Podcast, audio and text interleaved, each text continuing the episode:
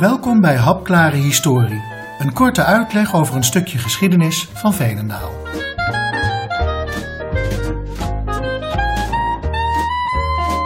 Wie in oude archieven duikt, komt er al snel achter dat namen niet zo vaststaan als wij tegenwoordig gewend zijn. Waar komen namen eigenlijk vandaan?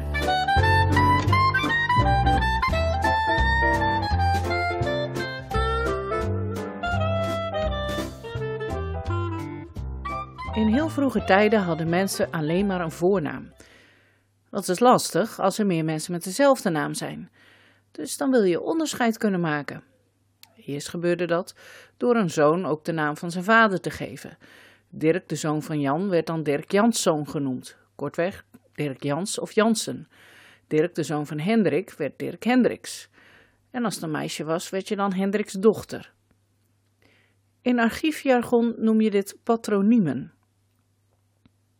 In onze regio heeft deze vorm van naamgeving bestaan tot 1811, toen de Fransen een bevolkingsadministratie gingen bijhouden en het voeren van familienamen verplicht werd. Er waren ook andere vormen van naamgeving. Edelen hadden vaak een familienaam dat verwees naar het grondbezit van de familie. Onze koninklijke familie bijvoorbeeld, van Oranje-Nassau, verwijst naar de eigendommen van de familie in de 16e eeuw het Franse graafschap Orange en het Duitse hertogdom Nassau. De adel noemde zich naar landbezit, een lagere klasse noemde zich soms naar het dorp of stuk land waar ze woonden. En dat noem je een toponiem. In onze regio zijn er tal van voorbeelden van dit soort naamgeving te vinden. Van Veenendaal of van Woudenberg bijvoorbeeld. En ook namen als Van Voskuilen of Van Ginkel vallen in deze categorie.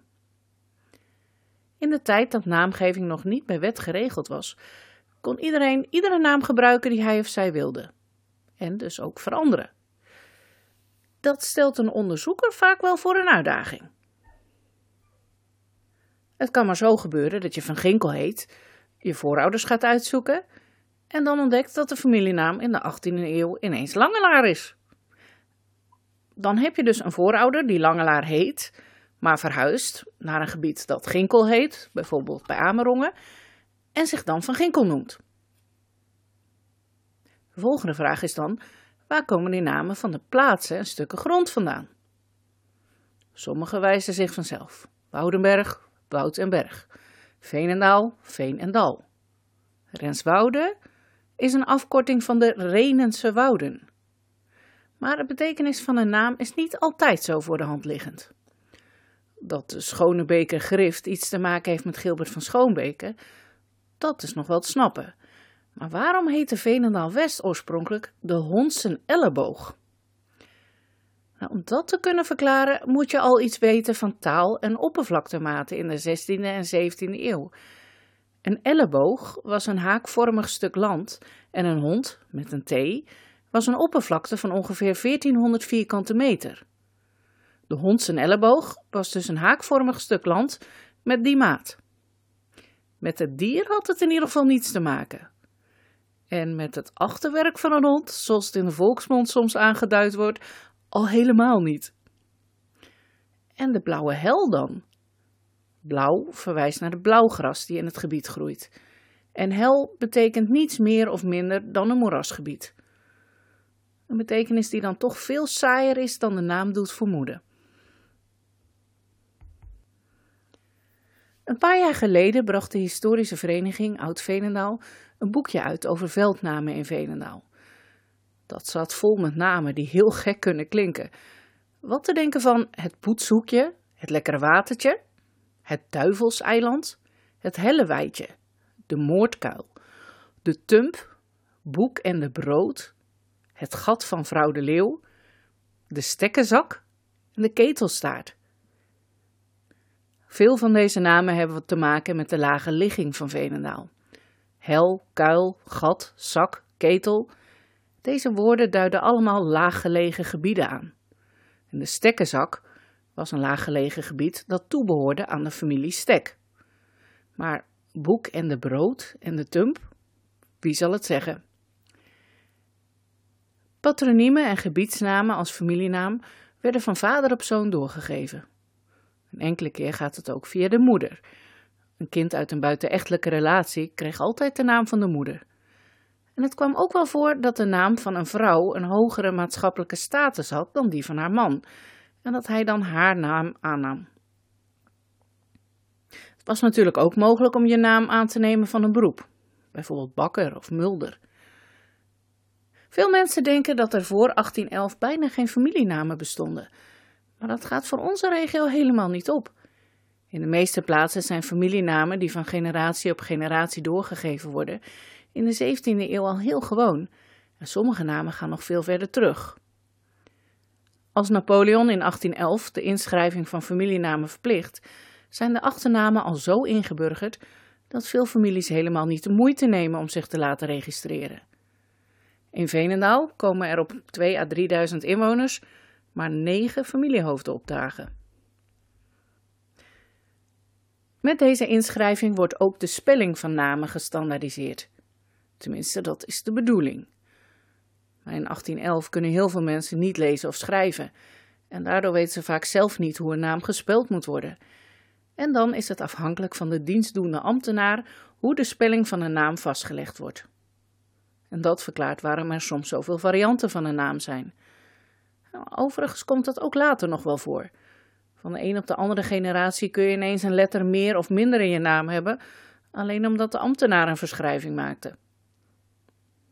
Soms werden, en worden, mensen ook aangeduid op basis van bijzondere eigenschappen.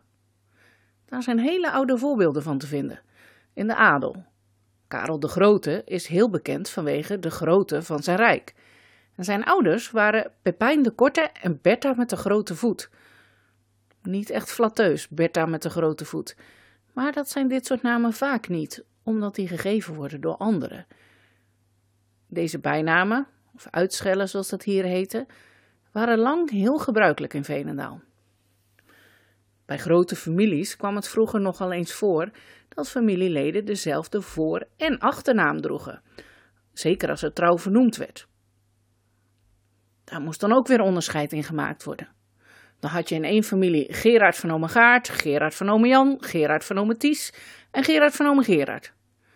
Als dat niet afdoende was, werd er soms nog een naam van een vader, moeder of echtgenoot aan toegevoegd. Dan kreeg je iets als Piet van Hein van dit.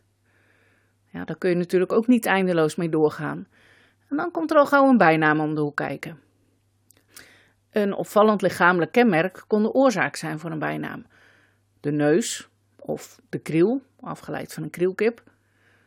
In het Bijbelvaste Venendaal werd een stotteraar Mozes genoemd. Een lange man was Psalm 119 en zijn korte vrouw Psalm 117. Of de balkenhapper.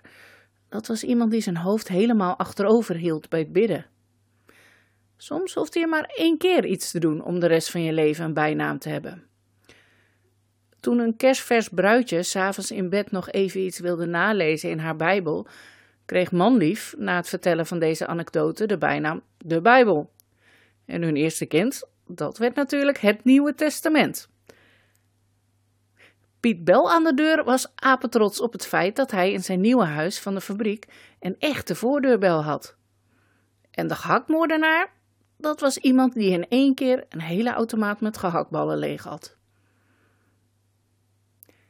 Natuurlijk kon ook je beroep onderscheidend zijn. Groenteman Huibers werd verse aardbeien genoemd. Zijn concurrent van Barneveld was Job de Banaan. De voerman die halfproduct sigaren van de ene fabriek van de ritmeester naar de andere vervoerde, werd de sigarenmaker Sperenkarrekerel. Jan de Leut hield van grappen en grollen en had een winkel in feestartikelen.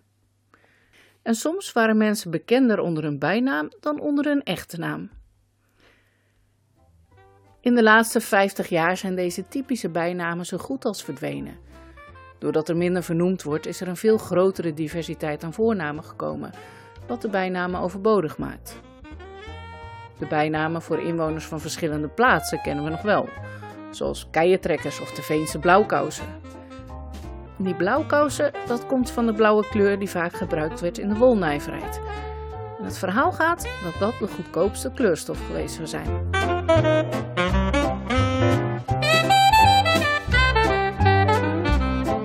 Bedankt voor het luisteren.